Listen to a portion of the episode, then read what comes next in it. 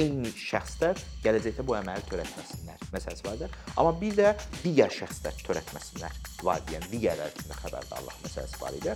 Bu digərlər üçün xəbərdarlıq məqsədi daha sonra daha da ə, təkmilləşdirildi. Yəni de deyildi ki, bizim əsas məqsədimiz fərdi ədalətə nail olmaq deyil cəza verməkdə. Yəni cəmiyyətdəki cinayətkar meylin qarşısını almaq.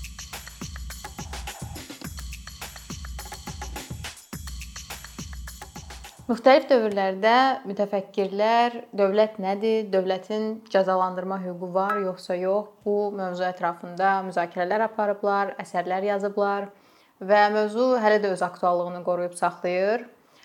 Biz də bu gün həmin suallara qonağımız hüquqşünas Səməd Rəhimli ilə cavab tapmağa çalışacağıq. Səməd, xoş gəlmisiniz. Xoş gördük. Dəvət üçün təşəkkür edirəm. Bu mövzunu müzakirə etmək üçün ümumiyyətlə yəqin ki, ilkin sual dövlət nədir? Hə. Bu olacaq. Aha. Deməli, dövlət nədir sualına belə indiyə qədər vahid konsensus cavabı yoxdur. Yəni bu uzun müddətli müzakirə olunur. Amma belə çox geniş qəbul edilmiş iki yanaşma var. Biri sosioloji yanaşmadır, hansı ki Alman sosioloqu Max Weberdən gəlir. Həmin sosioloji yanaşmaya görə Max Weberin təqdim elədiyi sosioloji yanaşmaya görə dövlət zor belə deyim də müəyyən bir ərazidə zorakılıq gücünün monopoliyasıdır. Yəni dövlətin əsas xüsusiyyəti, əsas elementi zorakılıq gücünü monopoliyaya alan legitim bir qurum olmasıdır. Legitim bir institut, təşkilat, təsisat, hər nədirsə də nə cür adlandıra biliksə o olmasıdır. Bu sosioloji yanaşmadır və əsas bu götürülür. Düzdür, digər yanaşmalar da var, amma ən çox e, belə deyim də, ən dominant, hakim yanaşma bu yanaşmadır. Bir də dövlət nədir sualına hüquqi yanaşma var. Hüquqa anlayış verirlər. Bu da məşhur 1933-cü ildə qəbul olmuş Montevideo adlı ümid edirəm düz tələffüz elədim, konvensiyası var və orada dövlətə anlayış verilir. Dövlətlərin hüquq və vəzifələri haqqında konvensiyadır bu. Beynəlxalq publik hüququn, beynəlxalq ümumi hüququn tərkib hissəsidir. Orada dövlətə anlayış verəndə deyilir belə bu anlayış verilir ki, dövlət bu əlamətlərə cavab verən qurumdur. Sada indi sadalayacağım əlamətlərə. Burada birinci əlamət əhali, ikinci əlamət ərazi, üçüncü əlamət hökumət, dördüncü əlamət isə beynəlxalq münasibətlərə girmək, digər dövlətlərlə beynəlxalq münasibətlərə girmək əlamətidir. Əslində bu sosioloji bayaq qeyd etdiyim sosioloji anlayışla bu hüquqi anlayış bir-birinə ziddiyyət təşkil eləmir. Sadəcə fərqli məsələlərə fokuslanır. Bu baxımdan dövlətə anlayış versək, hamısını bir yerə yığıb, dövlət müəyyən coğrafi ərazi üstündə həmin ərazidə yaşayan əhali üzərində, müəyyən bir coğrafi ərazidə, həmin ərazidə yaşayan əhali üzərində legitim, məqbul, zorakılıq gücünə malik, malik başqa dövlətlərlə əməkdaşlıq eləmək qabiliyyəti olan, bu qabiliyyəti tanınan, başqa dövlətlər tərəfindən tanınan təşkilatdır, institutdur dövlətə belə bir anlayış vermək lazımdır və dövlətin əsas xüsusiyyəti mən burada demək çalışdım, onun zorakılıq gücüdür. Vergiləri tətbiq eləyəndə də, müqavilələrin icrasında təmin eləyəndə də, cinayətlərin qarşısını alanda da, cəza tətbiq eləyəndə də, sosial ödənişlər məsələsində də və digər bütün məsələlərdə də haqlı və ya haqsız, doğru və ya səhv ə, məsələsinə girmədən dövlət bütün bunların hamısına zorakılıqla nail olur. Pozulursa onun ə, tətbiq eləmək istədiyi qayda, qoyduğu qayda Dövlət zorakılıq tətbiq eləyir, amma dövlət əksəriyyətlə zorakılıq tətbiq eləmir, sadəcə zorakılıqla hədələyir. Məsəl üçün dövlət hər hansı bir qanun qəbul edirsə, bu pozitiv və ya neqativ mənada demirəm. Yəni bu yaxşı da ola bilər, pis də ola bilər. Dövlət məsəl üçün qanun qəbul eləməsi hədələmədir. Hədələmədir elə. Əksər qanunlar hədələməkdir. Yəni ki, təhdid eləməkdir. Yəni sən buna riayət eləməsən, mən sənə qarşı bunu edəcəyəm. Bəs bu mövzuda ümumiyyətlə nəzəriyyələr nədir? Yəni siz deyirsiniz ki, o güc sahibidir dövlət və zorakılıq güc tanınır və məqbuldur. Həm daxil tərəfindən tanınır, həm də ki, xarici tərəfindən tanınır. Və o zorakılığı tətbiq edən, yəni ki, tətbiq etməyə ona hüquq verən nədir? Yəni o legitimliyidirmi, yoxsa yəni bununla bağlı bir neçə nəzəriyyə var əslində. Yəni dövlətin cəzalandırma hüququ hardan yaranır? Dövlət cəza tətbiq edə bilərmi, edə bilməzmi ilə bağlı. Yəni cəzanın məqsəd iki cəzanın nəzəriyyələri iki yerə bölünür. Belə deyək də, dövlət cəza tətbiq edə bilərmi, edə bilməzmi nəzəriyyəsi, yəni yanaşması. Bir də ki, cəza tətbiq bəli, cəza tətbiq edə bilər, Amma bu cəzanı hansı məqsədlər üçün eləməlidir? Nəzəriyyələr fərqləndirilir. Gəlin əvvəl birinci məsələyə toxunaq. Yəni dövlət cəza tətbiq edə bilər nəzəriyyələr bu dəqiqə dominantdır. Yəni ki, o e, əsasən 3 və ya 4 nəzəriyyə var ki, cəza məqsədləri baxımından onları onlar müxtəlif aspektlərdən bu izah e, bunu izah eləyirlər ki, dövlət cəza tətbiq eləyə bilər e, və bunun səbəbləri bunlardır. İndi ona birazdan ona keçəcəyik. Amma bir də ki, daha marjinal bir yanaşma var ki, onlar e, hal-hazırda onları abolisionist yaxud da ki, ləğvedici indi Azərbaycan dilində nə cür abolisionist söz çox belə aktual söz deyil, amma yəni ki, ləğv etmə tərəfdarlarıdır da, ləğv tərəfdarları, aradan qaldırma tərəfdarları deyək. Onları onlar var, yəni xüsusilə 1960-70-ci illərdən bəri daha aktualdılar. Onların təməl yanaşması budur ki, onlar hesab edirlər ki, dövlət cəza tətbiq eləməməlidir. Əslində dövlət restorativ, bərpa edici addımlar atmalıdır. E, təbii ki, onlarda da misal üçün bəzi cəzaların ləğvi tərəfdarları var. Misal üçün ölüm cəzasının ləğvi tərəfdarları var, azadlıqdan məhrum etmə cəzasının, yəni həbs cəzasının Azərbaycanda azadlıqdan məhrum etmə deyilir, amma əhali arasında daha çox həbs ifadəsi işlədilir. Həbs cəzası deyək bizdə. Həbs cəzasının ləğvinin tərəfdarları var. Amma bir də ki, daha ə, e, prinsipial yanaşma tərəfdarları var ki, onlar hesab edirlər ki, ümumiyyətcə cəza anlayışı ləğv edilməlidir. Onun yerinə alternativ bərpa edici tədbirlər görülməlidir. Burada müxtəlif yanaşmalar var. Bir bu yanaşma sırf dövlətin varlığını qəbul eləyirlər, amma onun cəza tətbiq eləməsinin əleyhinə çıxırlar. Təbii ki, bir də ki, təməldə anarxist bir yanaşma var ki, bu e, yanaşma dövlətin cəza funksiyasını inkar eləyir e, və bunu da onunla əsaslandırır ki, dövlət ümumiyyətcə əxlaqi olaraq o mövcud olmamalıdır. Yəni təməldən məsələyə yanaşdıqları üçün onları da artıq toxunmağı vacib hesab edirəm. Çünki bu biraz başqa müzakirədir. Gəlin onda biz istəyirsiniz keçək cəzanın məqsədləri baxımından nəzəriyyələrə. Yəni ki, əsas cəza nəzəriyyələri hansılardır? Yəni bu aydın oldu. Yəni təməldə 2 nəzəriyyə var, 2 yanaşma var. Dövlət cəza tətbiq etməlidirmi? Yəni bir çox indiyə qədər yazmış bu sahədə hüquq fəlsəfəsi, hüquq nəzəriyyəsi sahəsində olan yazan şəxslərin mütləq əksəriyyəti Yəni ki, bəli, tətbiq eləməlidir yazıblar. Anarxistlər nə? Tətbiq eləməməlidir, çünki ümumiyyətcə dövlət var olmamalıdır. O tamam başqa bir müzakirə mövzusudur. Və bir də ki, hə dövlət olmalıdır, amma dövlət cəza tətbiq eləməməlidir deyilən bir marjinal axım var. O isə hala hələ ki dominant deyil. Yəni ki, ona görə onların təməldə demək istədiyi ondan ibarət ki, dövlət bərpa edici addımlar atmalıdır. Düzdür, mən onların yazılarla qismən tanışam, belə birbaşa əsərlərini oxumamışam, amma yazdıqları mövqe əslində tələb tələb elədikləri məsələ məncə onlarda daha çox belədir. Onlar buna cəza demirlər. Yəni bərpa edici addımlar deyirlər. Amma faktiki olaraq bu da cəza mahiyyətə cəzaya gətirib çıxarır. Ona görə biraz da bəlkə ciddi qəbul eləmirəm onların yanaşmalarını. Çünki ya ümumiyyətcə deməlisən ki, nəsə heç bir addım atmamalıdır. Hansı ki mən bunu ciddi qəbul edirəm. Məsəl üçün anarxist yanaşmanı ciddi qəbul edirəm, çünki onlar alternativlər təqdim edirlər. Amma burada təqdim edilən bərpa edici yanaşma, restorativ yanaşma elə məncə mahiyyətcə cəzadır. Ona görə də mənə bu o qədər də bu yanaşma o qədər də ciddi gəlmir. Ona görə keçək cəzanın özünün, yəni cəza nəzəriyyələrinə, yəni cəzanın məqsədləri nəzəriyyələrinə.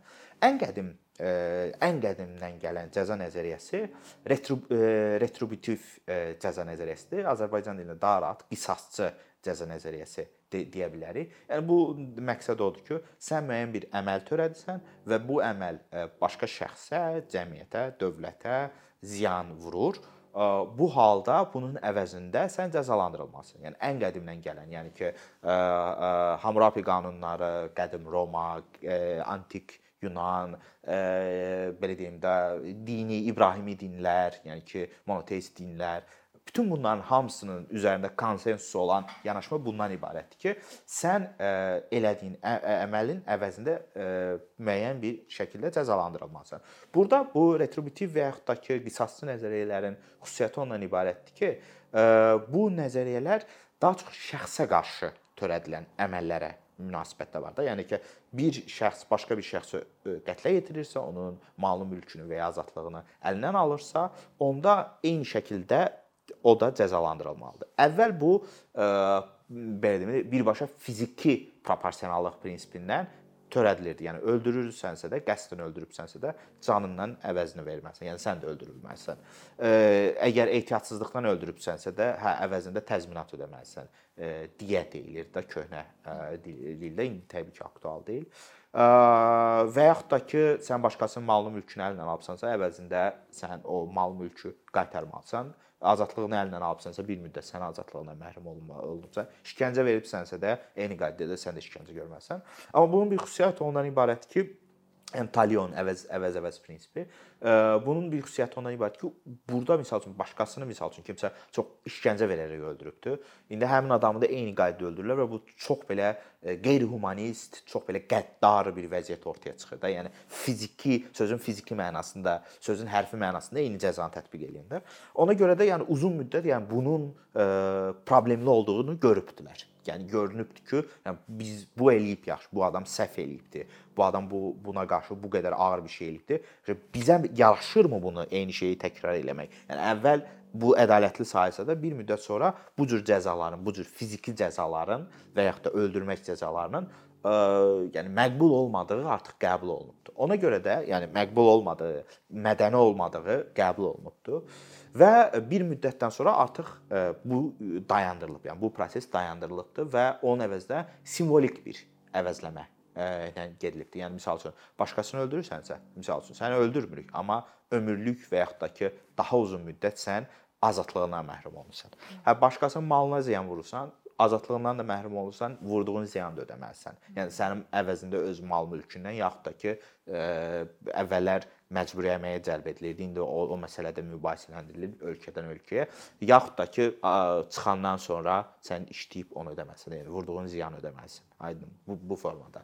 Ə, yanaşma ilə əvəz olunubdu. Yəni bu yanaşma, yəni bu mədəniləşmə e, yanaşması elə onunla nəticələndi ki, ölüm cəzası və yaxud da ki, fiziki cəzalar, yəni bədən cəza, cismani cəzalar, bədən cəzaları ə, əvəzləndi azadlıqdan məhrum etmə, yəni həbs cəzasına, yəni bir şəxsi müəyyən bir müddət və ya uzun bir müddət cəmiyyətdən təcrid eləyib, orada onu nəzarət edib saxlamaqla. Bu belə deyim də qisas, qisasçı yanaşma təməldə budur. Yəni ki, qisasçı nəzəriyyə yəni ədalətin bir bilavasitə birbaşa bərpa edilməsinə nail olmağa çalışırdı.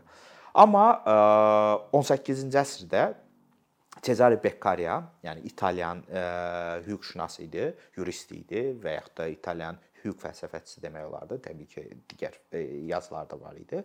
O bu məsələnin ə, islah edilməli olduğunu düşündü. Onun ə, yanaşması bundan ibarət idi ki, ə, yəni olan olub, keçən keçib, yəni kimsə kiməsə ziyan vurubsa da eyni ziyanı həmin adama vurmaqla məsələ problem aradan qaldırılmır. Yəni bu baş vermiş faktı aradan qaldırmaq olmayacaq. Yəni ki, xüsusilə o dövrdə biz nəzərə almalıyıq ki, Qərbi Avropanın özündə belə cismani cəzalar və ə, belə deyim də işgəncə verərək öldürmə edam cəzaları aktual idi və o buna qarşı çıxmışdı. O utilitarian bir yanaşma ilə çıxış eləmişdi. Utilitarian deyəndə, yəni ki, hansı daha faydalıdır, yəni faydaçı bir yanaşma ilə çıxış eləmişdi və o onun dediyi, yəni gətirdiyi yanaşma bundan ibarət idi ki, o bu yanaşma həm bayaq qeyd elədiyim qisasçı nəzəriyyəni simvolikləşdirirdi. Yəni ki, təməldə onun yanaşmasını həm qisasçı nəzəriyyə simvolikləşdirdi, həm də onun özünün e, belə deyim də e, utilitarian faydaçı yanaşması yeni bir yanaşma ortaya qoyurdu. Bu yanaşma da ondan ibarət idi ki, yəni cəza ictimai və fərdi xəbərdarlıqdır. Yəni cəza verəndə biz həm əməl törətmiş, yəni cinayət törətmiş şəxsi ə, belə deyim də xəbərdar eləyirik ki, bax, bir də eləsən eyni şəkildə cəzalanacaqsan. İkinci bir tərəfdən isə biz digər, yəni cəmiyyətin digər ə, qruplarını gö göstəririk ki, bax siz də eyni şəkildə cəzalandırılacaqsınız. Ona görə də bu deterrent xarakter daşıyır, yaxud da qarşısını alma xarakteri daşıyır. Yəni ki, bu faydaçı yanaşmanın e, əsas arqumenti qisas almaq deyildi. Yəni ki, köhnədə baş vermiş, yəni keçmişdə baş vermiş bir şeyi üçün bir şəxs üçün yaxud da dövlət üçün onun əvəzini bərpa etmək məqsəd daşımırdı. Burada gələcək hədəf götürülürdü. Gələcək hədəf götürülürdü və gələcəklə bağlı qeyd edilirdi ki, yəni gələcəkdə eyni e, əməllər törədilməsin. Ona görə də qarşısını almaq, bunu deterə edəcək ə, e, şəkildə cəzalandırılmalıdır. Və Cezare Beccari təklif eləyirdi ki, əgər cə, ə, e, cəza ağır olursa, yəni kifayət qədər ağır olursa, həddən ziyadə ağır olursa, onda bu bu şəxslərin ə, ədalət sistemindən yayınmaq ehtimalları olur. Amma cəza ə, həm ə, belə deyim də, həm ə, belə deyim də, mütənasib olarsa, həm də ki məqbul, yəni ki, bu ağır, həddən ziyadə ağır olmasa, onda bu bu insanları və vaxtında tətbiq edilərsə, onda bu insanları gələcəyə yönəlik, gələcəyə istiqamətli cinayət törətməkdən çəkindirə bilərik. Yəni çəkindirmək xarakteri daşıyırdı. Və o bu nəzəriyyəni çıxış edirdi və bu nəzəriyyə 18-ci əsr Avropa aydınlanmasında qəbul olundu. Demək olar ki, tam qəbul olundu və köhnə qisasçı yanaşmanı həm simvolikləşdirdi, həm də aradan qaldırdı və nəticədə bir çox ölkələrdə, yəni əvvəl kontinental qitə Avropasında, daha sonra Britaniyada, daha sonra get-gedə ABŞ-da, Amerika, yəni yeni dünyada köhnə adından desək, yəni yeni dünya olaraq deyilirdi. Orda qəbul olundu yeni dünyadakı Avropalılar yaşayan yerlərdə qəbul olundu və məqsəd, təməl məqsəd qarşısını almaq idi. Yəni burada qarşısını almaq məqsədi idi.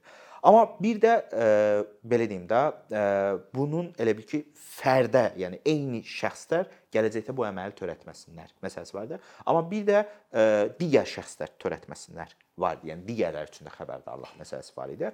Bu digərlər üçün xəbərdarlıq məqsədi daha sonra daha da e, təkmilləşdirildi. Yəni de deyildi ki, bizim əsas məqsədimiz e, fərdi ədalətə nail olmaq deyil cəza verməkdə. Yəni cəmiyyətdəki cinayətkar meylin qarşısını almaqdır. Bizim üçün vacib deyil cinayətin kökü nədir, mənşəyi nədir. Bizim üçün vacibdir ki, bu aradan qaldırılsın. Yəni ki, bu bunu hətta simptomları qalsa belə o simptomları daşıyanlar, yəni bunu dırnaq arasında deyirəm, o simptomları daşıyanlar buna meylənməsinlər bu bu yanaşma idi və yeri gəlmişkən bu yanaşma xüsusilə Almaniyada 19-cu əsrin ikinci yarısından aktual olmağa başladı. Orda yanaşma belə idi ki, ümumiyyətcə biz tək, yəni belə deyim də, cəza xarakterli olmayan ictimai tədbirlərin görülməsi. Məsəl üçün belə deyək də, psixoloji problemləri olan şəxslərin, yaxud da alkoqolik problemləri olan şəxslərin, yaxud da cəmiyyətlə uzlaşmayan şəxslərin cəza yox, digər ictimai tədbirlər vasitəsilə cəmiyyətdən təcrid olunması məsələsi var idi ki, əsas məsələ cəmiyyətin sterilliyini qorumaq yanaşması idi. Yəni təməldə 19-20-ci əsrə qədər bu tipli yanaşmalar hətta 20-ci əsr boyu aktual idi. Bir də növbəti yanaşma daha çox 1960-lardan sonra, yəni qərbdəki yeni bir kultural inqilabdan sonra e, gəldi. Bu da islah anlayışı və ya da reabilitasiya anlayışı idi. Hal-hazırda da cəza yanaşmasında reabilitasiya aktualdır. Yəni ki, islah, reabilitasiya demək aktualdır. Bu yanaşmanın kök kökündə bu durur ki, bizim üçün əsas məsələ e, cinayətkarı cəzalandırmaq deyil, cinayətkarı bu əmələ sövq edən məsələləri islah eləməkdir. Bu da iki cürdür. Bir fərdi islah, yəni ki, həmin şəxs müəyyən qədər cəmiyyətdən təcrid olunur cəza kimi və o orada müəyyən reabilitasiya prosesindən keçir, ondan sonra cəmiyyətə qayıdır və ümid eləyirik ki, güman eləyirik ki, o bir daha bu əməlləri törətməyəcək. Və eləcə də biz o cinayətin e, sosial səbəblərini aydınlaşdırmalıyıq. Məsəl üçün, oğurluq yoxsulluqla bağlı ola bilər qətl törətmək müəyyən bir icmalar arası problemlərlə bağlı ola bilər və s. və ilaxır. Biz bu ə, e, kök səbəblərə gedirik və bu kök səbəbləri aydınlaşdırıb bunları aradan qaldırırıq. Yəni islah edici yanaşma da bundan ibarətdir. Hal-hazırda da, yəni belə deyim də, ə, e, müasir cəza ə, e, hüquqi sistemləri əslində dərinə getsək, bu yanaşmaların hamısını bu və digər formada toplayıbdı. Həm retributiv nəzəriyyəni qəbul edibdilər ki, cəza, yəni simvolik mənada cəza ə, zərər çəkən şəxs üçün qisas alınması məqsəd daşıyır. Yəni onun ə, onun qisas məqsədlərini tətmin, satisfaksiya eləməyə çalışırıq. Hə, bunu təbii ki, eyni Talyon prinsipindən eyni şeyi hə, qarşı tərəfə tətbiq etməklə yox, bunu buna nə cür nail olmağa çalışırıq? Həmin şəxsi azadlığından məhrum etməklə və yaxud da cərimələməklə, əvəz, yəni maddi, mənəvi ziyan ödənilməsinə onun üstünə qoymaqla. İkinci bir tərəfdən bu nəzəriyyədə qəbul olunur ki, bu çəkindirici xüsusiyyət, deterrent xüsusiyyət daşıyır. Yəni ki, biz müəyyən bir şəxs cəzalandıranda bu həm həm cəmiyyət üçün xəbərdarlıq olur, həm də həmin şəxs üçün xəbərdarlıq olur ki, bir də eləməsinlər. Bir də ki, müasir e, belə deyim də, cəza müəssisələri, yəni ki, həbs yerləri və yaxud da ki, azadlıqdan məhrum etmə ilə əlaqəli olan yerlər Azərbaycanda cəza çəkmə müəssisələri adlandırılır. Köhnə adla həbsxana deyilir də, yəni Az Azərbaycanda elində və yaxud da ki, rus dilində ki, formasında türmə deyilir. Bunların məqsədi islah məqsəd daşıyır. Bu müddətdə həmin şəxs cəzalandırılan şəxs məhkum o şəxs ə, müəyyən bir islah prosesindən keçməlidir. Hə buna nə dərəcədə nail olunur, olunmur, bu artıq başqa bir müzakirə mövzusudur. Elə mövzuya hə, gəlmək ə, istirdim ki, bəli. dediyiniz bütün bu məqsədlərə Azərbaycanda cəza çata bilər. Mən hesab edirəm ki, çatmır. Azərbaycanın cəza sistemi Sovet dövründən qalıbdı və hə, hələ də həmin dövrün məhsuludur. Birincisi orada islah etmək e, məqsədi, yəni e, düzdür, baxmayaraq ki, e, bütün Sovet məcəllələrində və sair və axır, hətta qərbdən daha əvvəl islah məsələsi göstərilsə belə, yəni burada ənənəvi Sovet yanaşması, yəni reallıqda, praktikada olan Sovet yanaşması islah eləməkdən çox e, cinayətkarı marjinallaşdırmaq məqsəd daşıyırdı. Yəni həm həmin cinayətkar damğalanırdı, o cəza sistemi vasitəsilə bu damğanın altında əzilirdi və cəmiyyətə əzilmiş formada geri qaytarılırdı və bununla da onun gözü qorxudularaq yeni əməllərin törədilməsinin qarşısı alınmağa çalışıldı. Yəni Sovet cəza sistemi bu məqsədi daşıyırdı. Yəni mənim e, yəni bu mənim interpretasiyama görə, yəni ki, əz, yəni mənəvi olaraq əz və cəmiyyətə elə geri qaytar, gözü qorxasıdır, bir də eləməyəsidir. Ona görə də Azərbaycan e, cəza sisteminə baxanda, yəni Azərbaycan cəza sisteminə hal-hazırda baxanda bu məntiq davam edir. Biz məsəl üçün cəza çəkmə məsələlərinə baxırıq. Məsəl e, cəmiyyətdən belə ən kənarda yerlərdə yerləşir də, yəni ki, o azadlıqdan məhrum etmə yerləri cəza çəkmə müəssisələrdə və həmin yerlər yolları belə pisdir. Yəni ora ora gedəndə məsəl üçün məsələn yolun kənarına qədər baxırıq ki, yol normaldır. Sırf ora olanda elə bir unudulmuş bir yerdir o formada. E, ora icazə çəkmə müəssisələrinə baxmayaraq ki, Avropa Şurasına əməkdaşlıq edilir, baxmayaraq ki, Azərbaycanın kifayət qədər pulu var idi, yəni ki, e, sərvətləri var idi. Müəyyən standartlar var idi ki, icazə çəkmə müəssisələri gətirilməli idi. Həmin icazə çəkmə müəssisələri həll standartlara gətirilmir. Mənim qənaətim budur ki, bu qəsdən edilibdir ki, bu burdakı adamlar üçün bu standartlar dəyməz. Yəni bu bu ənənəvi yanaşmanın davamıdır və ə, e, heç bir islah məqsədi güdülmür. Ə, e, yəni buna nail olmağa çalışılmır. Əsas məsələ deyilir ki, yəni ki, Sovet təfəkkürünün davamı olaraq ki, cinayət törətmiş adam, yəni bizim yəni layiq adam deyil, ləyaqətli adam deyil. Və biz bunu nə qədər çox əssək, məqbuldur. Həm əzirik, yəni qisas al alırıq. Yəni bu bu bu halda fərd üçün qisas alınmır. Bu halda bizim sistemə qarşı gəldiyin üçün, yəni mövcud sistemə qarşı gəldiyin üçün səndən qisas alınır ki, özünü pis aparıbsan, aydındırmı? Və ikinci bir tərəfdən də əzilmiş formada bu adam geri qayıdanda bir də bu əməlləri törətmək istəyir. Amma nə ilə nəticələndi? Həm cəza çəkmə müəssisələrində bir subkultura yarandı, oğru dünyası adlandırılan, yəni özləri bu sistemdə olanlar bunu yaratdılar. Həm ə, geri, yəni cəza çəkmə müəssisələrindən cəmiyyətə qayıtmış şəxslər bu, bu subkulturanı cəmiyyətdə davam etdilər. Yəni cəmiyyətə uyğunlaşa bilmədilər. Bu belə deyim də həyatları ondan sonra normal davam eləmədi. Aydınmı? Yəni bu formada. Və bununla da belə deyim də Azərbaycanda belə bir məsələn Bakının müəyyən yerlərində var idi və yaxud da var hələ də. Əhalinin yoxsul kütləsi var ki, orada e, sadəcə şəxsə qarşı cinayətlərə görə yox, məsələn dövlətin qoyduğu müxtəlif qaydaları pozmağa görə də, məsəl üçün narkotik və sair və ilaxır bununla bağlı tutulan şəxslər var və bu şəxslər artıq cəmiyyətə qayıdanda bu şəxslər cəmiyyətdən təcrid olunmuş fərqli bir təfəkkürdə qayıdırlar. Sonra cəmiyyətə e, reinteqrasiya ola bilmirlər. Yəni cəmiyyətlə təzədən birləşə bilmirlər və elə bil öz subkulturalarını yaradılar və həyatlarında məhv olub gedir, puç olub gedir. Yəni e, bu reallıq Azərbaycanda var. Yəni Azərbaycan e, cəza sistemi praktikada, yəni cəza sistemini idarə edən dövlət təşkilatları, penitensiar xidmət və sair və ilaxır, onlar e, yəni ki, sırf insanları əzib mənəvi olaraq sındırıb cəmiyyətə buraxırlar. Başqa bir şey eləmirlər və e, dövlətdə, yəni rəsmi elan olunmuş, yəni cəza, sosial ədalətin bərpası, cinayət törətmiş, həm cinayət törətmiş şəxs həm də digərləri üçün xəbərdarlıq, həm də ki, e, islah xarakter daşıyır şəklində olan bu cəzanın məqsədləri və cəzanın anlayışı ilə bağlı cinayət məcəlləsində olan e, bu norma normaya uyğun hərəkət eləmirlər. Çünki praktikada reallıqda olan vəziyyət fərqli idi. Yəni Azərbaycan Sovet dövründən qalan penitensiar penitensiar sistemi mənimsədi indiki Azərbaycan dövləti. Onu dəyişməyə ə, hər hansı bir iradəsi olmadı. Çünki eyni sistemin adamları ə, gəldilər hakimiyyətə və onlar da eyni sistemi davam etdirdilər və həmin o sistemin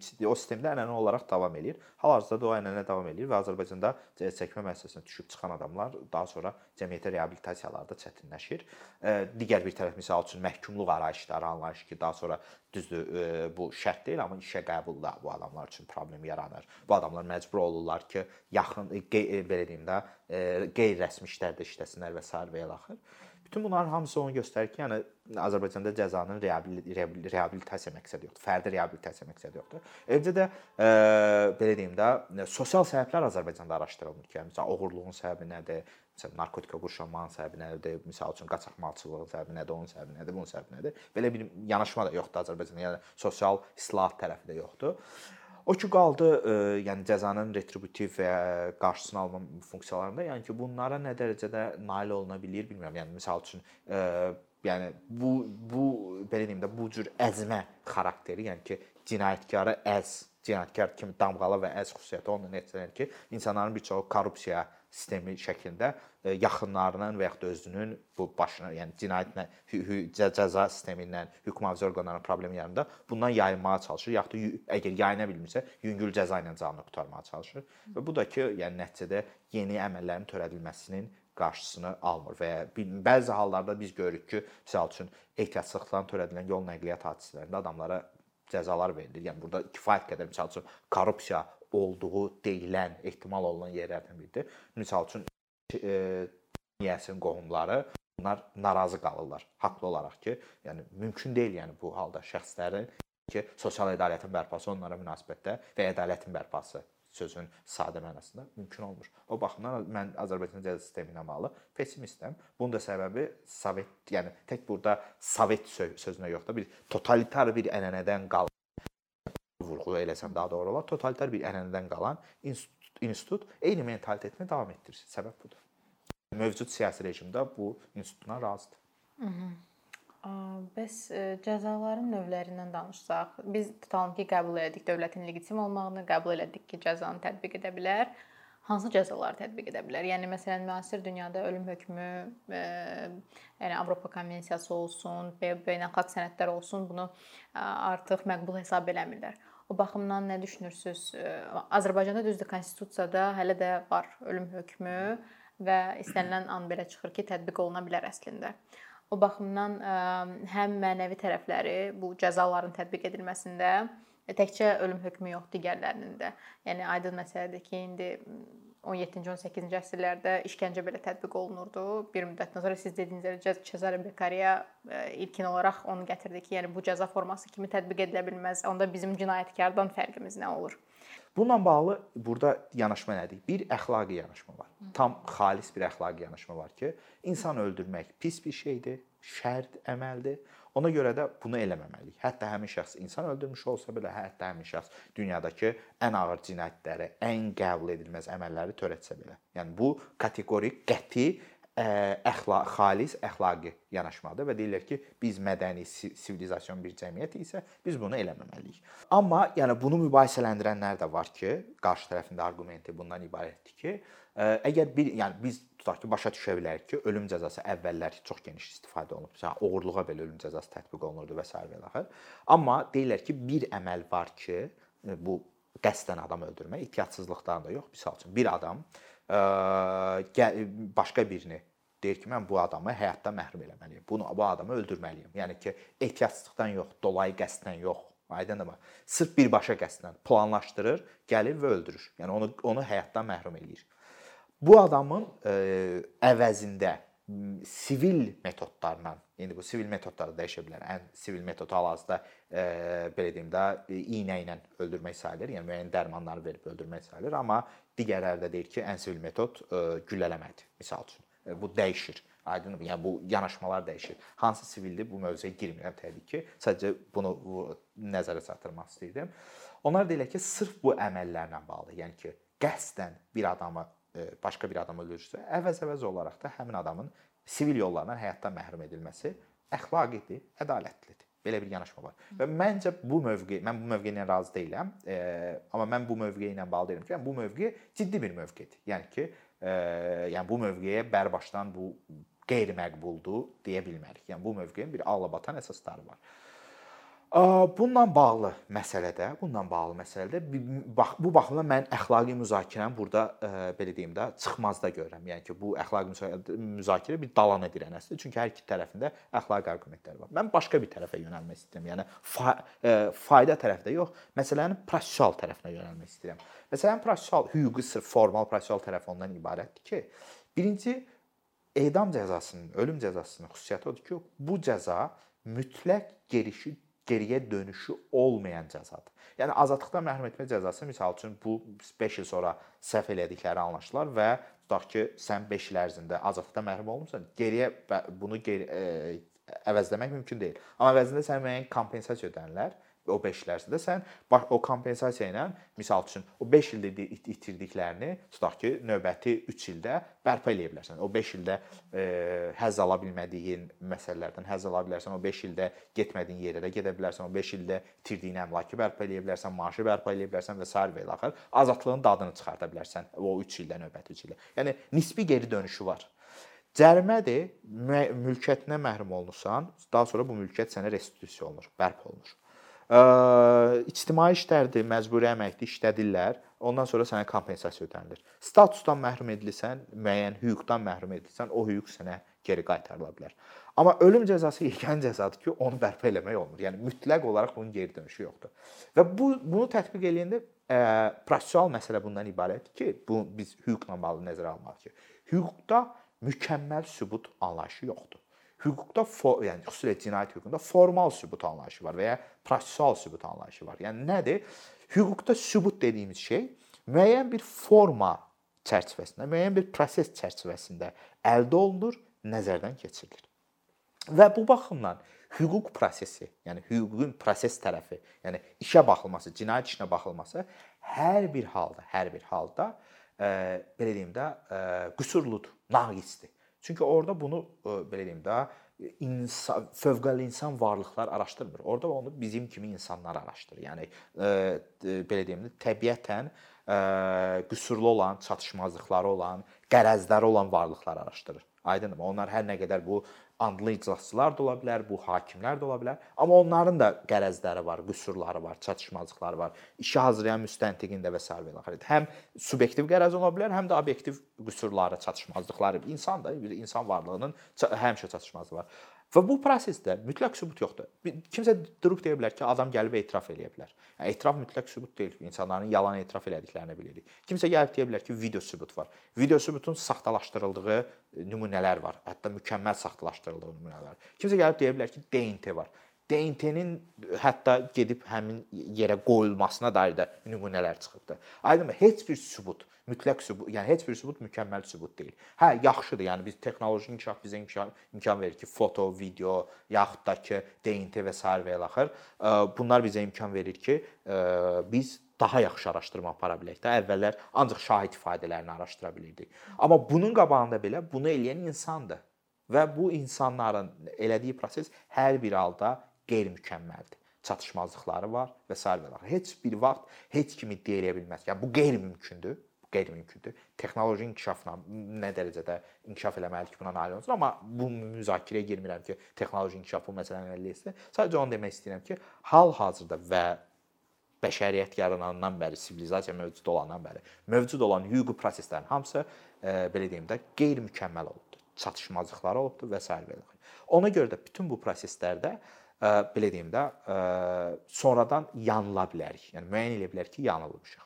Və biz yanıldığımızı anlayanda biz bərpa eləyə bilməyəcəyik. Yəni ölüm cəzası tətbiq olunubsa da biz bunu bərpa eləyə bilməyəcəyik. O baxımdan da mən hesab edirəm ki, ölüm cəzası əleyhinə ən ciddi arqument budur. Bir məsələni də qeyd edirəm ki, Azərbaycanda ölüm cəzası ilə bağlı məsələyə Azərbaycanda Azərbaycan Avropa Şurası çərçivəsində Avropa Konvensiyasına 6 saylı əlavə protokolu imzalayıbdır və bu buna görə Azərbaycan sülh dövründə ölüm cəzası tətbiq eləyə bilməz. Amma 13 saylı protokol var ki, Azərbaycan onu imzalamayıbdı ki, bu protokol hətta müharibə dövründə də ölüm cəzasını qadağan eləyir. Ona görə də Azərbaycan müharibə şəraitində ölüm cəzasını bərpa eləyə bilər. Tətbiq eləyə bilməz birbaşa, bərpa eləyə bilər və bərpa eləyib yalnız belə deyim, daha ağır hərbi cinayətlər üçün tətbiq eləyə bilər. Yəni Bildiyim qədər 3 ölkə cəmi onu imzalamayıb. Bu Ermənistan, Ermənistan biz və biz, Rusiya. Biz və Rusiya hər üçümüz. Hmm. Hətta Türkiyə belə imzalayıb.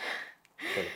Çox sağ olun maraqlı söhbətiniz üçün, ətraflı cavablarınız üçün və dəvətimizi qəbul edib gəldiyiniz üçün. Dəvət üçün mən təşəkkür edirəm. Xoş oldu.